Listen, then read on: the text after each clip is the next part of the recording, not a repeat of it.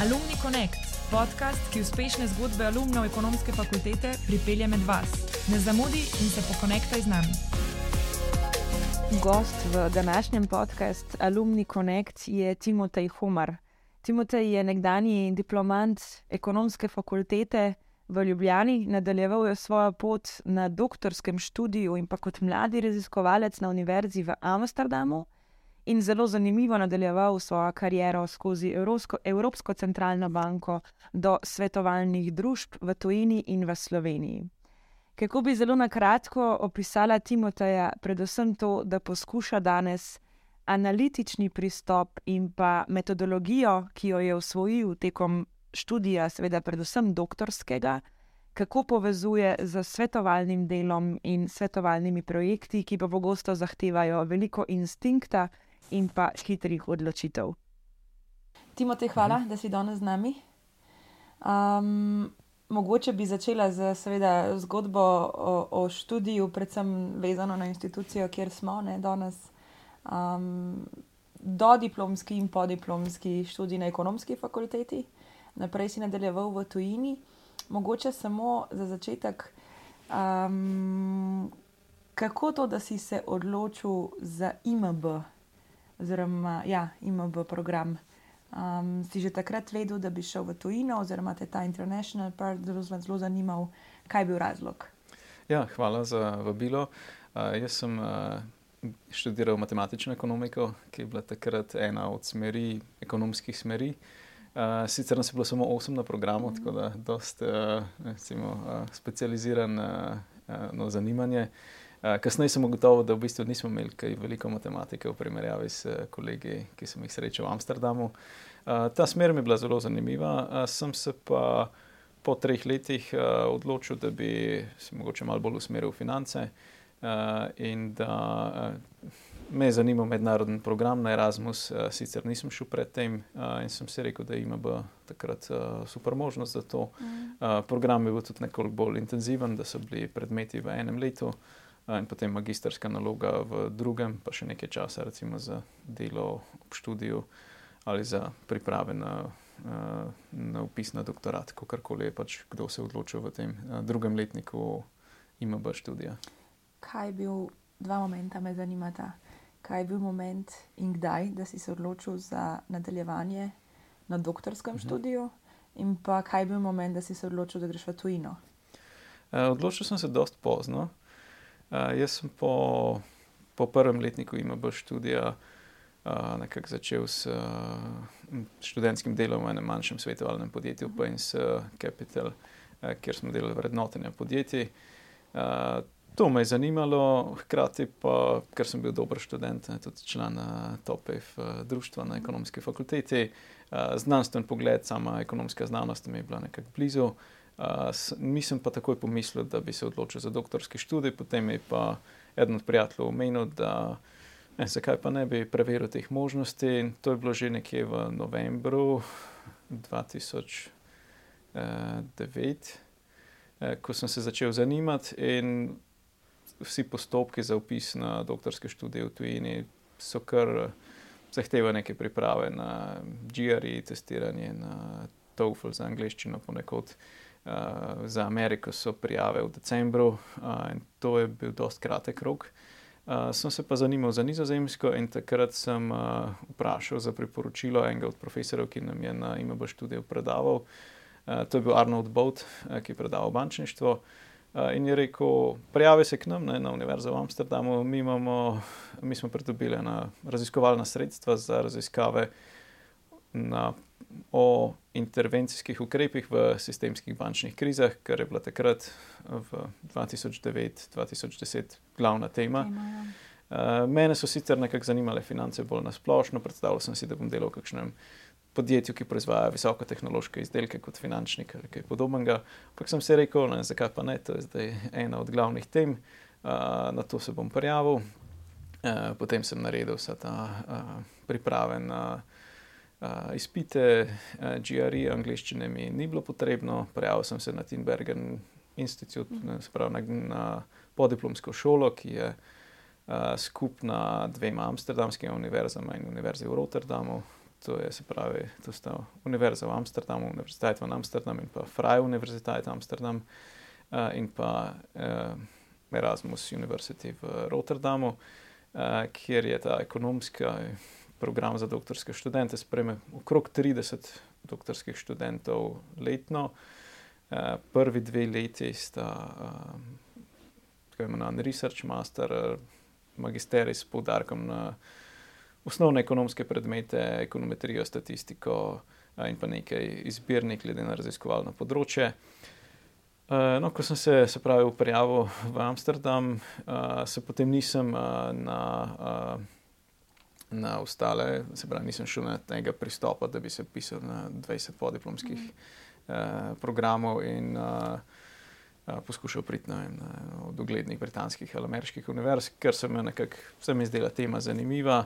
Uh, se pravi, oba mentorja, s katerimi sem imel takrat intervju, uh, sta rekla, da potrdita to pozicijo na Amsterdam Center for Law and Economics, eh, spravi kak inštitut za pravo in ekonomijo, kjer bom raziskoval bančne krize, naj se pa hkrati prijavim na, na Timbergen Institute. Uh, in zato sem se odločil in ta program se je potem začel z uh, septembrom 2010. Uh, ko sem takrat tam začel kot uh, doktorski študent. Uh, tako da sem potem kmalo po tistem, ko sem se odločil za prijavo na doktorat, sem končal s študentskim delom, pravil vse ta testiranja in potem naredil magistersko nalogo in še nekaj odmora pred začetkom doktorskega študija, zatem se je pa kar uh, nadaljeval potem selitev na nizozemsko in, uh, in tam uh, doktorski študij in raziskovalno delo. To pomeni, da v bistvu je bil zelo pomemben um, ta moment poznavanja teh dveh mentorjev, ki si jih pa na, na študiju v Sloveniji, ne imel priložnost spoznati. Ja, eh, enega od njih, Arnold, Arnolda Bowta, sem spoznal v Sloveniji, drugega pa potem v Amsterdamu. Ta drugi mentor, Sveder van van Bergen, je usmerjen bolj v makroekonomske raziskave, Arnold Bowt pa v bančništvo, kako teoretične modele, Sveder pa bolj v empirične oziroma kombinacijo. Kako je močna konkurenca? za, pač za izbor, potem 30 si rekel, da so jih sprejeli, predvidevam na mednarodnih. Ja. Koliko je bilo, kaj veš, kakšna je bila številka? Ja, zahteve so bile kar velike, zdaj število prijavljenih ne bi vedel na pametno. Mm. Za nas a, je bil pogoj, spravi, merila so bila uh, GRI testiranje, kjer je štel samo matematičen del. Uh mhm. -huh. Tega sem jaz pisal vse točke, kar sem uh, kar ponosen, uh, da, da mi je uspel. Uh, potem uh, uspeh na splošno odprej, ker so sicer niso bila kakšna specificirana merila, ampak so nekako vsako državo presojali posebej, uh, in pa verjetno še tudi neki kvalitativni uh, dejavniki.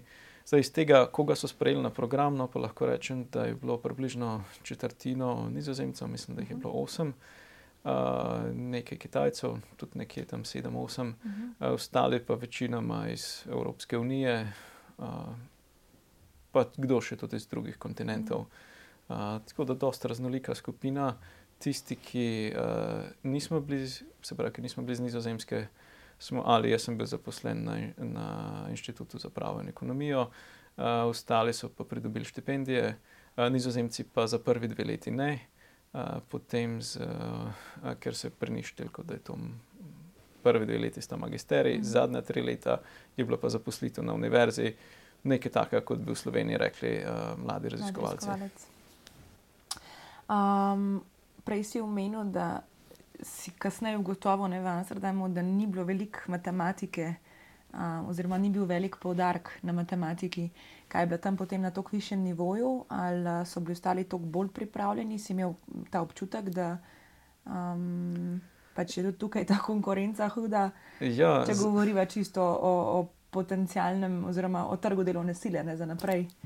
Pravi, za ekonomsko znanost je matematika in statistika zelo pomembna in dobra osnova iz tega pride prav na tisti, ki so študirali eh, ekonometrijo. Naprimer, na nizozemskem so imeli veliko bolj kvantitativni študij, eh, potem so bili nekateri, ki so študirali fiziko, matematiko kdo je tudi študiral vem, turizem ali pa kaj družboslovnega, kjer ni bilo prav, prav nič in je moral potem to nadomestiti v prvih mesecih uh, doktorskega študija.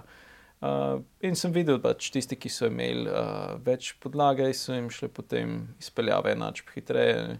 Uh, nisem se počutil, da sem kakorkoli prikrajšan, ker uh, sem lahko sem, sem imel ja, dobro podlago. Me pa mogoče to je pač osebna izkušnja, nekako presenetilo. Jaz sem si predstavljal, da bom v sklopu doktorskega študija nekako zvedel za veliko več uh, vsebinsko novih ugotovitev v ekonomski znanosti. Uh, bile, je bilo pa tisto, kar je bilo novo, predvsem v pristopu in metodologiji, kako lahko neko ugotovitev utemeljimo mm. uh, na podatkih, kako jo izpeljemo v matematičnem modelu, zakaj je mehanizem tak, kot ga en mm. model predstavlja. Uh, in, in je bil poudarek bolj na to, kot na, kot na samo, da bi zdaj rekel, da tisto, kar sem na ekonomski fakulteti v dodiplomskem študiju slišal, da, da je nekaj, kar si potem, uh, da si ne bi predstavljal, da se podjetja čist drugače obnašajo, kot sem prej slišal. Tega, to se ni zgodilo, ne sem iz vsebinskega vidika že veliko, večino poznal, mm. ampak uh, se pa potem te iste koncepte bolj, bolj nekako uh, podrobno, bolj uh, argumentirano utemeljilo. Ne. Nekatere predmete so bili pa tam še posebej zanimivi. Uh, to so bili pa nekako uh, povezani z institucionalno ekonomiko, nekako z ekonomsko zgodovino.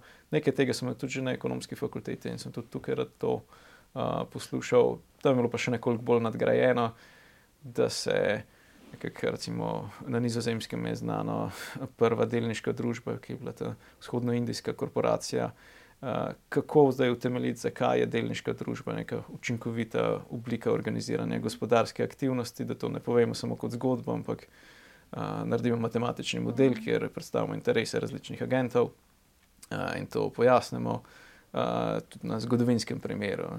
Uh, kar mi je bilo še dodatno zanimivo, pa morda malo nepričakovano, ne, sem bil na inštitutu za pravo in ekonomijo, da so tudi pravniki ki so bili na tem inštitutu in tisti, ki so hodili predavati na seminarje, uporabljali ekonomski pristop pri preučevanju pravnih vprašanj, statistične metode iz ekonomije, mm. mikroekonometrijo, da so pravna vprašanja o učinkovitosti kaznovanja ukrepov. Uh, analizirali na ta mm -hmm. način. Da, da so te metode, ki so se razvile za ekonomsko znanost, nekako tudi širše uporabne. Mm nadaljevanje potem um, v gospodarstvo oziroma bančništvo, no, da je tako reči. Um, zakaj odločitev, da zapustiš akademske vode, oziroma je bila daj možnost, da ostaneš v akademskih vodah? Ja, mogoče bi še malo omenil no, raziskave, ki sem jih delal. Uh -huh. uh, pravi, jaz sem uh, v času doktorata pročil učinkovitost ukrepov v sistemskih bančnih krizah. Uh, to so glavni ukrepi ne, dokapitalizacije bank s kapitalom, a, garancije na bančne obveznosti, na depozite ali druge, ki so se takrat v krizi uporabile, a, likvidnostna podpora. A, mi smo se takrat, mogoče običajni opazovalci iz medijev, bi si mislili, da je bila ta kriza nekako 2008 zelo izjemna, ampak teh bančnih kriz je bilo že mhm. veliko. No, jaz sem a, si v svojem glavnem članku, ki je bil potem objavljen v Journal of Financial Intermediation, preučeval bančne krize od 1980 naprej, mhm. ker je bilo, mislim, da nekje 56 uh, sistemskih bančnih kriz, če zdaj vsako državo, ki je bila v zadnji uh, krizi, štejemo kot svoj mhm. primer krize. Uh, in sem uh, se pravi v tem. Uh, v tej raziskavi sem uh, preučil, kako različne ukrepe, ki so jih centralne banke in države uporabile, uh, so, kako so ukrepale z bankami v težavah, kako to vpliva na trajanje recesije. Mm. Se pravi, če, na, če ima država in centralna banka namen, da ohrani gospodarsko rast, kaj je najbolje, da naredi z bankami v težavah. Uh, in se je izkazalo, da uh, so najbolj učinkoviti ukrepi dokapitalizacije bank, ki so sicer nekako rekel, nepopularne ali pa sporne v javni debati, ker se sliši kot da se bankam, ki so krive za to, da so prišle v težavo, da se jim da dodatna sredstva. Uh, sicer je v tem, koliko so lastniki kaznovani, banke v smislu ali izgubijo svoj delež, ne, ali so lastniki podrejenih obveznic izbrisani ali ne.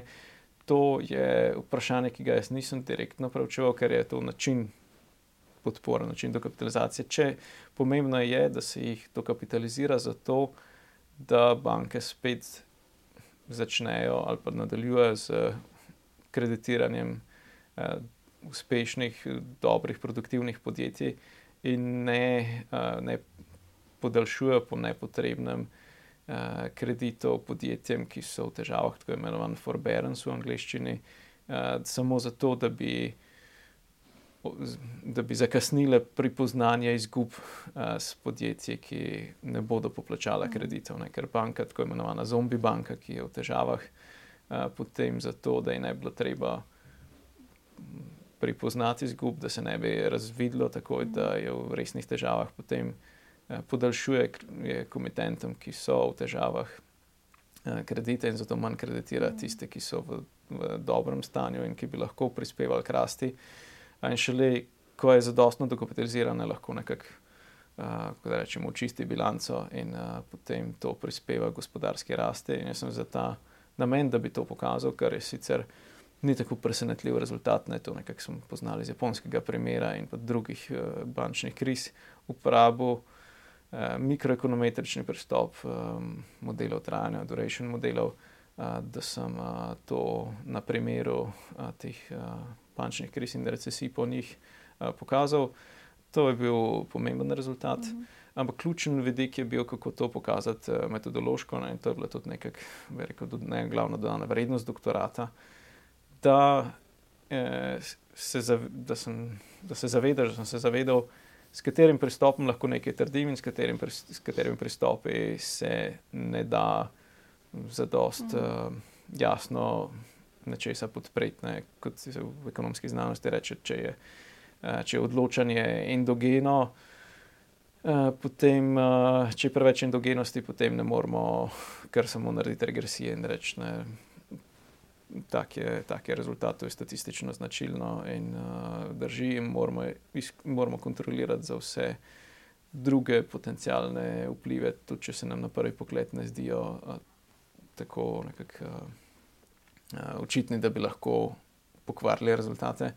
Uh, je to zelo pomembno in da sem to uspel pokazati, da so dokapitalizacije učinkovite, uh, je bil ne, pomemben, pomemben rezultat. Jaz sem delal raziskave na podatkih iz bank. Uh, ta je bil prvi članek, ki je bil na nivoju držav, potem naslednjih sem se usmeril na podatke o posameznih bankah. Če bi želel ostati v, v akademskem na univerzi, v akademskih raziskavah, bi nadaljeval z raziskavami o bankah, za kar bi potreboval podatke o bankah, ki jih imajo običajno centralne banke. In z tega stališča je dobro biti v raziskovalnem oddelku centralne banke ali imeti soavtorja iz centralne banke. Uh, se je odločil, da greš v centralno tako, banko. Ja. Sicer mi ni uspel priti v raziskovalne oddelke Evropske centralne banke, imel sem intervjuje uh, še z nekaterimi drugimi centralnimi bankami. Uh, in, sem potem se, in sem se zaposlil v oddelku za nadzor, uh, v delu za, za nadzor bank, to je enotni mehanizem nadzora, ki nadzira okrog 120 sistemsko pomembnih bank v evroobmočju. Uh, jaz sem bil v oddelku, kjer smo spremljali indikatorje tveganja bank uh, in pa izračunavali pričakovane učinke sprememb regulative, takrat, ko so se ta regulativa še pripravljala, oziroma se je Evropska centralna banka v sklopu Bazelske komisije pogajala o, o novi regulativi. Uh, in pa ob tem sem tudi se še lotil nekaj uh, znanstvenih raziskav z soavtorji iz, iz raziskovalnega oddelka Evropske centralne banke. Uh, kolikor mi je nekaj tam čas dopuščal. Tako da moja odločitev je bila, no, da grem v centralno banko, uh, ker se mi je takrat to izkazala za, nekak, uh, za najboljšo možnost. Tipično je ob koncu doktorata na rekel, dobrih doktorskih programih, je tako imenovan job market. Uh, v, v januarju zadnjega letnika, uh, ki, kjer intervjuje potekajo na uh, času. Eh, konference American Economic Association, eh, kjer dobre univerze intervjujejo kandidate eh, in jih potem povabijo na enodnevni predstavitev njihovega tako imenovanega job market paperja, znanstvenega članka, na pogovor s člani oddelka.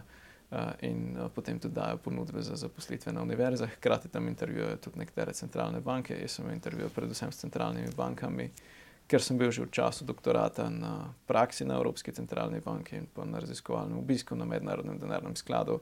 Je bilo nekako, kar to že kot nek signal, da me to bolj zanima. Uh, in sem potem ne, sem imel več. Uh, več intervjujev s centralne banke in se tudi potem uh, tako odločil. Nekateri moji sošolci so prišli na, na dobre uh, akademske pozicije, ali pa potem tudi kasneje še napredovali. Uh, nekateri so končali doktorat leto, dve ali pa tudi več kasneje, kot so si uh, najprej zastavili, kdo od njih je postal podjetnik, kdo dela kaj čez tretjega. Uh, tako da je dosta uh, različno. Ampak za to zaposlitev na Evropski centralni banki, bi pa lahko rekel, da je bil ta doktorat kar ključen faktor. Ne? Ja, a, to je bil kar pomemben.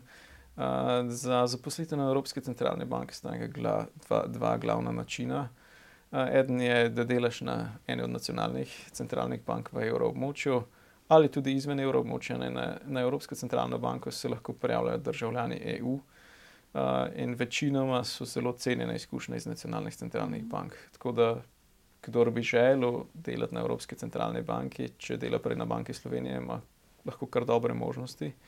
Uh, s tem, da tam so tudi možnosti izmenjave, pa greš potem najprej na enoletni ali pa lahko tudi triletni uh, no, delo na Evropsko centralno banko, s tem, da ti pogodba na Banki Slovenije miruje, zato si ti rabiš odobriti Banke Slovenije. To je en način, drugi je pa preko praks. Uh mhm. Za magistrske in doktorske študente, magistrski študenti na Evropski centralni banki jih je iz Slovenije kar, kar nekaj, no vsako leto, tako bi rekel, vsaj pet, če ne več, uh. -huh. iz fakultete za um, matematiko in fiziko, no, se pravi za finančne matematike. Uh, z ekonomske fakultete je tudi kdo, mhm. ampak uh -huh. mogoče malo manj, tako da lahko bi morda morali malo povečati promocijo v smislu, da je to dobra karjerna priložnost. Uh, in pa doktorski študenti, ki so tam na praksah. Jaz sem bil v času doktorskega študija. Razlika med temi dvojimi je, da tisti, ki so magistrski študenti in pripravniki na Evropski centralni banki, morda delajo malo enostavnejše naloge, doktorski študenti pa delajo naloge, ki so podobne znanstvenim, če je možno, ne vedno, odvisno od potreb oddelka. Tisto, kar sem jaz delal v oddelku finančne stabilnosti, sem potem tudi uporabil za svoj doktorat. Sem iz tega dobil dva, dva znanstvena članka, so avtori, s katerimi sem takrat delal na Evropski centralni banki in se mi je to zelo dobro išlo. Da, zanimiva izkušnja na centralni banki in pa tudi uporabna za doktorat. Um, ja, uh, in od te prakse naprej uh, se je pa potem možno prijaviti za redne pozicije. Eh, ker, uh, kjer pa je velika konkurenca. V tistem času, ko sem se jaz prijavljal, je bilo rekel, nekak, ne bil najlažji čas. Najlažji čas je bil eno leto pred tem, ko so ustanovili enotni mehanizem nadzora, ker so naenkrat zaposlili, mislim, da 900 zaposlenih v tistem letu, pa potem še ostale kasneje. No, ko, sem, ko sem bil jaz tam zaposlen, je bilo v, v bančnem nadzoru zaposlenih okrog 1200. Uh, In takrat je bilo razmerje med uh, prijavami in tistimi, ki so jih vzeli, veliko bolj ugodno kot kasneje. No, kasneje, ko sem se jaz prijavil za možno napredovanje na Evropski centralni banki, je bilo že razmerje tako ena proti 300 uh, eh, za vsako pozicijo. In to je bila tudi ena od. Uh, Rekel je izzivo na Evropski centralni banki v smislu kariernega napredovanja, da če si dobro delal, te tvoj menedžer ni mogel reči, ti si zdaj primeren za naslednji nivo in boš napredoval, ampak si se moral vedno prijaviti na razpis, uh -huh. uh, kjer se ne, prijavijo kandidati iz celotne EU uh, in uh, zadovoljiti vse stroge specifikacije. Izkušenj in uh, spretnosti zahtevanih za tisto pozicijo, kamor se prijavljaš. Tudi če je to sosednji oddelek, s katerim sem delal, pa ne morem reči, da imam točno tiste izkušnje, ker oni delajo, ker pač vsak dela nekaj, uh, nekaj svojega. Uh, in bi v enem tednu prišel njihovo temo ali pa 14 dneh. Uh, vseeno ima nekdo, ki je delal na drugi centralni banki, točno tisto, kar je v nekem razpisu, boljše možnosti mm. za to pozicijo. Uh, tako da to je malo težaven vidik na evropski ravni. konkurenca. Ja, ja. Uh, in tam je uh, napredovati teže. Uh, pogoji za delo so, so dobre, plače so dobre. Če si v delku, kjer ti je zanimivo delo, ne, da delaš nekaj strokovnega, kar, kar ti predstavlja izziv, uh, in si, si zadovoljen, da ostaneš na istem kariernem nivoju, večino kariere, potem uh, uh, je to v redu. Uh, jaz sem pa želel še preizkusiti kaj, uh, kaj novega in sem potem se hkrati naučil nemščino, ki sem se sicer že prej v gimnaziji in na ekonomski mhm. fakulteti, no, z tega sem kar dobro podlago. Uh, pa sem še nekoliko izpopolnil, sem se rekel, zakaj se ne bi prijavil v svetovalna podjetja uh, v Frankfurtu najprej, da bi delal malo bolj raznoliko delo. Uh, da sem tudi intervjuval v Nemčiji, no, kar je bil na začetku kar, kar izziv, ker sem pač navaden tega ne, mednarodnega dela v angleščini z vsemi različnimi narodnostmi, z zanimivimi sodelavci in potem malo bolj specializirano, nemško specifično. Uh, ampak to sem, ne, sem zadovoljen, da sem se za to odločil in je bila potem uh, zanimiva izkušnja no, v, v svetovanju, najprej v KPMG v Nemčijo in pa kasneje potem v Deloitte v Slovenijo. Izkušnja KPMG Nemčija, mogoče. Um, torej, imel si že kar nekaj izkušenj, seveda iz Evropske uh mhm. -huh. centralne banke, na kakšnem nivoju si vstopil potem, oziroma na kakšno delovno mesto?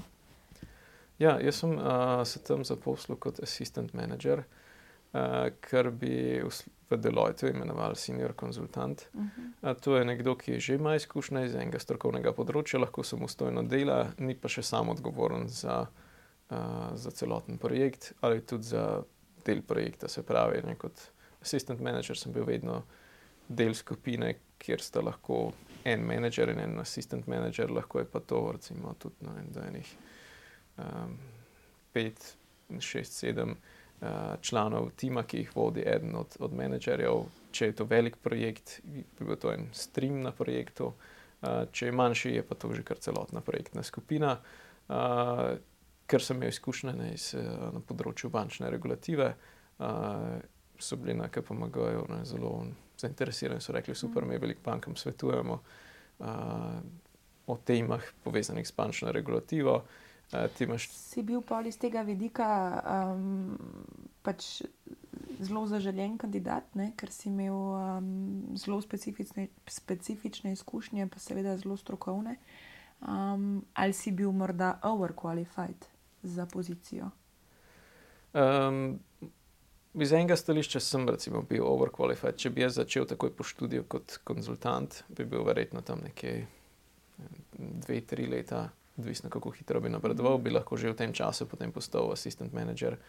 Zdaj sem pa najprej pet let uh, vložil v doktorat, pa potem še tri leta na Evropski centralni banki in sem v to pozicijo prišel kot bolj izkušen, ampak nisem imel izkušenj iz konzultinga, imel sem pa mhm. izkušnje iz tega strokovnega področja, uh, spoznavanja regulative.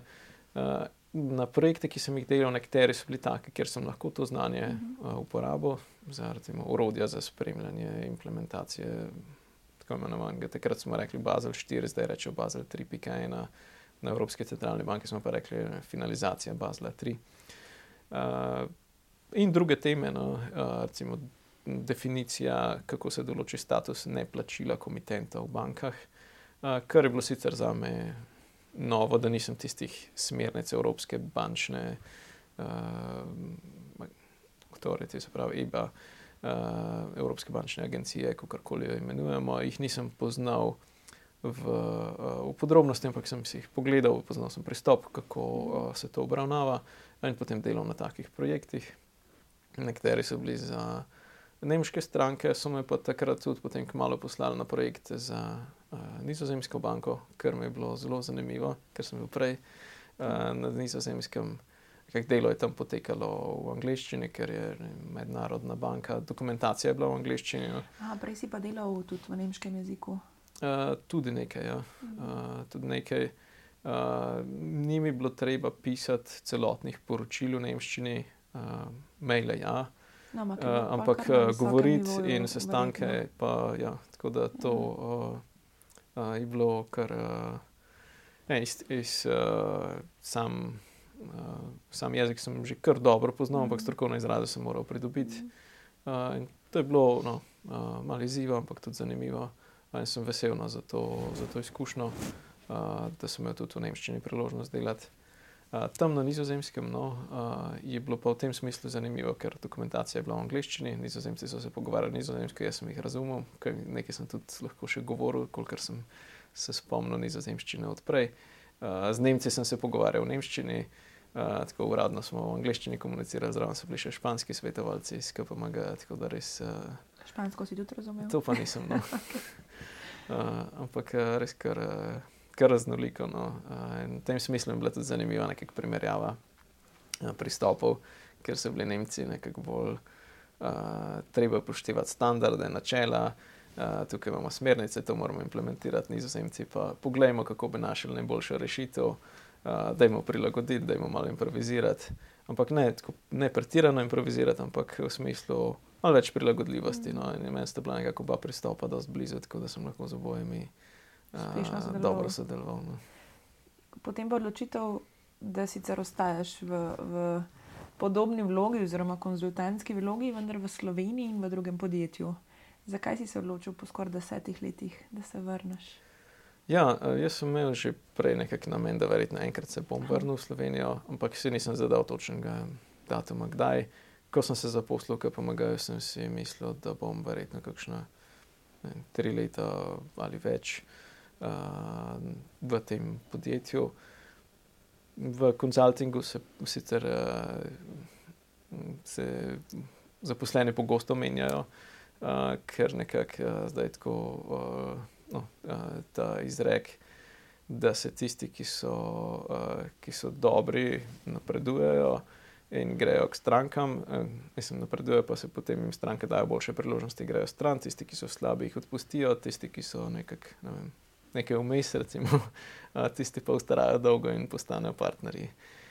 Zdaj, mogoče se to, no, se pač tako šala ali pa kakorkoli, ampak nekaj na tem. Da se boš, si se odločil, da boš postal povprečen, ali kaj e, na, na, na tem je. No, ali pa tisti, ki jim ta, del, ta način dela ustreza. Ja, ustreza ja. uh, in v Nemčiji recimo, uh, je bilo to kar pogosto, da so tisti, ki so se izkazali na projektih, jim je potem stranka dala ponudbo, banke, zavarovalnice, za kogar so pač delali po nekaj časa in jim je dala toliko dobro ponudbo, da so si rekli, no, sej, zdaj smo.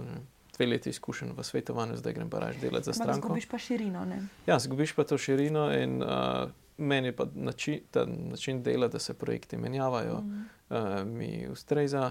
Uh, in sem želel to še naprej delati in še nekako mogoče ukrepiti v tem smislu. Uh, da so bili projekti v Nemčiji dolgi, v Deloitu Slovenije so projekti lahko od enega tedna ali pa nekaj tednov, tipično, tipično so krajši projekti, so nekaj tednov, šest, osem tednov, do lahko več kot enega leta. Tam so bili pa tudi kar, kar precej projektov, več kot leto. Sem govoril recimo s, s kom. Uh, in je rekel, jaz sem se zaposlil v KPMG in že dve leti delam za isto stranko. Uh, na način, skor, kot bi bil zaposlen pri stranki, sem sicer res zaposlen v KPMG kot svetovalec, ampak dela. Lahko razkriješ kakšen projekt v Sloveniji ali pa kakšnega naročnika konkretnega, um, na čemer si delal. Ker sve slišimo uh mhm. -huh. veliko revizorskih primerih, um, o, o management consultingu in tako naprej. Um, zdaj ti imaš pa zelo specifično področje um, specializacije. Ja, lahko, lahko zdaj ne bom mogoče imen uh, samih podjetij, ampak lahko rečem, da delam z večjimi slovenskimi bankami. Uh -huh. uh, en tip projektov so validacije kreditnih modelov in drugih modelov, uh -huh. uh, ki jih uh, banke običajno same razvijajo model za. Kako določajo bonitete uh, svojim strankam, uh -huh. uh, in to uporabljajo potem tudi za izračun slabitev. Uh, slovenske banke, to primarno za tako imenovano IFRS 9, eh, za mednarodne računovodske mhm. standarde, za slabitve, banke v večji banki tujini, pa tudi za izračun kapitalskih zahtev. In te modele more, potem ko jih en oddelek razvije, še druga ekipa preveriti. Uh, to je lahko druga ekipa znotraj banke, lahko je pa zunanje mhm. izvajalci in, in pogosto nas banke uh, najamejo, da mi upravimo to preverjanje. Včasih pa tudi svetujemo pri razvoju modela ali ga prav razvijamo uh, za, uh, za naročnika. Uh, to je kar pomemben del projektov, potem so pa nek, tudi nekateri drugi, recimo, delal sem na pripravi podnebnih scenarijev ne, za, za uh, pravični prehod premogovniških regij, ker je bilo scenarij za zapiranje teša. Uh, ta projekt je bil tudi uh, javno objavljen, ker je financiran strani Evropske komisije. In Deloitte je pripravljal scenarije v sodelovanju z Ministrstvom za okolje. Uh, jaz sem takrat računal z finančnega vidika, kdaj bodo cene kuponov toliko visoke, da se ne bo več splačalo obratovanje termoelektrarne. Uh -huh. uh, projekcije, ki so bile v tistem času, uh, takrat je bila cena okrog 20 evrov na tono CO2. -ja. In se je pričakovalo, da bo okrog 2030 prišlo na 60, potem je pa to bilo že precej prej mhm. preseženo. Uh, tako da so tisti scenariji, no, tudi kar se zdaj enkrat načrtujejo, 2034 zaprtje, nekako so bili uh, narejeni na projekcijah, uh, ki so bile, um, ker se je pričakovalo, da bo cena počasneje naraščala. Ne. Nismo imeli še energetske krize, to je bilo pred, uh, uh, pred vojno v Ukrajini. Uh, to je bil no, um, zelo zanimiv projekt za me, ne, ker ni, ni bil bančni. Ampak uh, se bilo treba ne, razumeti eno področje, pogledati uh, indikatorje. Tam smo imeli tudi uh, podatke o zaposlenih, uh, gledali, kako se bodo upokojevali čez čas, kako se bodo količine nakopanega premoga spremenjale, narediti nekak uh, načrt, kako se bo. Um, Kako se bo to išlo, uh, kar mi je bilo zelo zanimiv, uh, zanimiv projekt bi lahko upravljal svojo današnjo službo brez izkušenj iz doktorskega študija, predvsem z vidika metodologije in načina, kako se lotevaš a, reševanja problemov? Jaz mislim, da upravljal bi jo lahko, a, ker večina konzultantov. A, No, nekateri imajo doktorate, nekateri ne. Mm -hmm. uh, ni zahtevano, ni tako pogosto, mogoče v Nemčiji malo bolj pogosto kot v Sloveniji. Mm -hmm. Uh, mi pa ta pristop pomaga, Eh, ker kot, eh, ne, kot raziskovalec, kot doktorski študent sem se navadil, da uh, se je v eno vprašanje treba poglobiti, da se sam uh, lotiš iz, uh, iz virov, kako sklepati, uh, kaj ugotoviti. Mogoče ta način včasih malo. Preveč časa zahteva, glede na to, kakšno so pričakovanja v svetovanju. Ampak je pa siguren. Je pa siguren, uh, in uh, ja, da Eh, tukaj v svetovanju no, je pa ključen vidik, da uh, vključiš v projekt tiste, ki že imajo izkušnje, ki so eksperti z področja, da jih najdemo prek Deloittove mreže uh, in se z njimi posvetujemo, uh, in potem lahko na res, relativno kratkem času um, strankam uh, odgovorimo na njihova vprašanja in pomagamo razumeti izzive, ki jih imajo, pre, pregledamo pregledamo njihovo dokumentacijo, predstavimo načrt, kaj, njih, kaj bo regulator od njih zahteval v naslednjem obdobju. Um, ja, uh, to, to je morda nekakšna razlika v pristopu. No, če bi še tako nekako na kratko povzel, kaj je bila razlika med znanostjo, potem delom v centralni banki in pa s svetovanjem. Eh, v znanosti je ključno, da tisto, kar trdiš, lahko res dobro utemeliš. In zdaj, če nekaj vprašanja, ki je sicer zelo pomembno in zanimivo, ne moreš analizirati na način, da bi ga prepričljivo utemeljil, rezultate potem eh, to ne bo objavljeno v najboljših revijah. Rezultatov ne daš. Ne, ne daš rezultatov. Ja. Uh, in, in nekaterih vprašanj uh, potem sploh ni, uh, mogoče ni, ni mogoče odgovoriti, ni, ni objavljenih, in so lahko samo nekako mnenja ekonomistov, ki jih no, napišejo na svojem blogu ali pa povejo v medijih in napišejo knjigo, uh, ni pa znanstvenega članka. Uh, kar je se mi zdi nekako škoda, ker so pač nekatera vprašanja pomembna.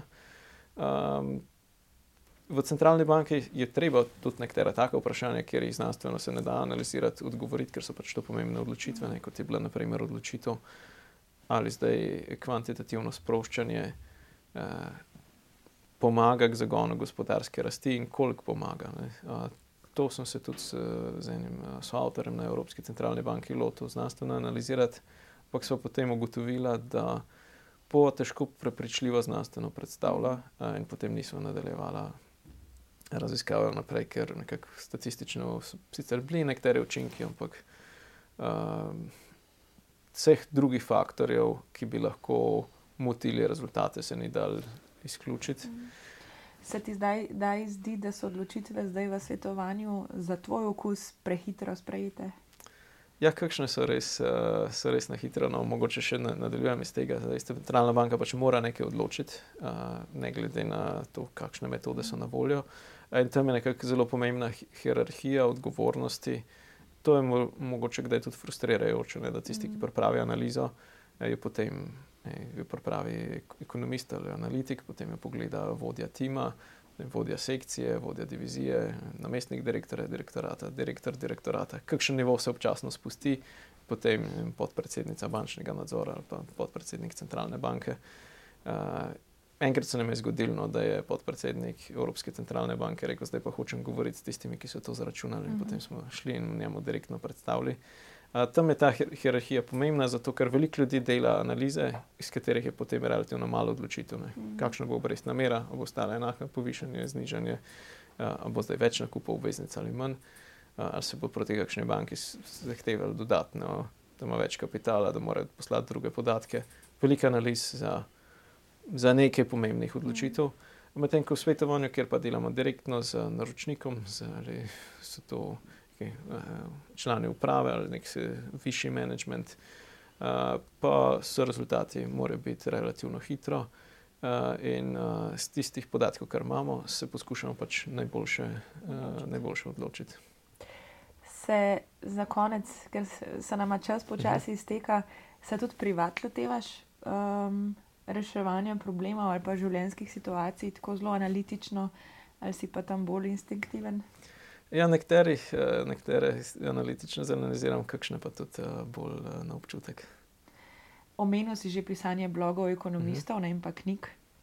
Uh, tako da si se super navezal na eno naše tipično, ključno, zaključno vprašanje. Uh mhm. -huh. Če bi napisal knjigo, mislim, da še nisi, ne? ne. O čem bi jo? Verjetno o kakšnih ekonomskih temah, ampak uh, kot so ne, tiste ekonomiste, ki sem jih jaz nekako še recimo, posebej cenil kot, kot avtorje znanstvenih člankov in so potem nekateri objavili knjige, so v teh knjigah lahko malo širšo sliko podali, ki jo v znanstvenih člankih niso mogli, ne, ker v znanstvenem članku je ena glavna ideja, pa mogoče še nekaj pod vprašanj, v knjigi pa lahko bolj celovit pregled pripravijo. Uh, in takrat, ko potem iz, ne, iz uh, večjega dela karijere zbereš ugotovitve in se rečeš, da je to en celovit sistem mm. predstavil, pa lahko potem uh, napišeš knjigo. Kaj je tema, ki te danes še tako uh, strastno spremlja, da bi rekel, da to je vredno mojega zapisa v knjigi? Um, zdaj, še vedno bančništvo in nadzor. Zanima me marsikaj, no tudi eh, recimo, prehod na obnovljive vire energije, tehnologije, umetna inteligenca. Rad bi tudi profesionalno malo več na tem eh, delal, pa je trenutno nekako toliko popraševanja z bančnimi temami, da me bolj te zaposlujejo. Uh, bi bil pa nekako previden, da tisto, o čemer bi pisal, bi, da bi res. Uh, Zelo to analitično. Zelo to analitično dobro poznal in potem lahko uh, tudi nekaj pomembnega povedal. Timotej, hvala. Hvala.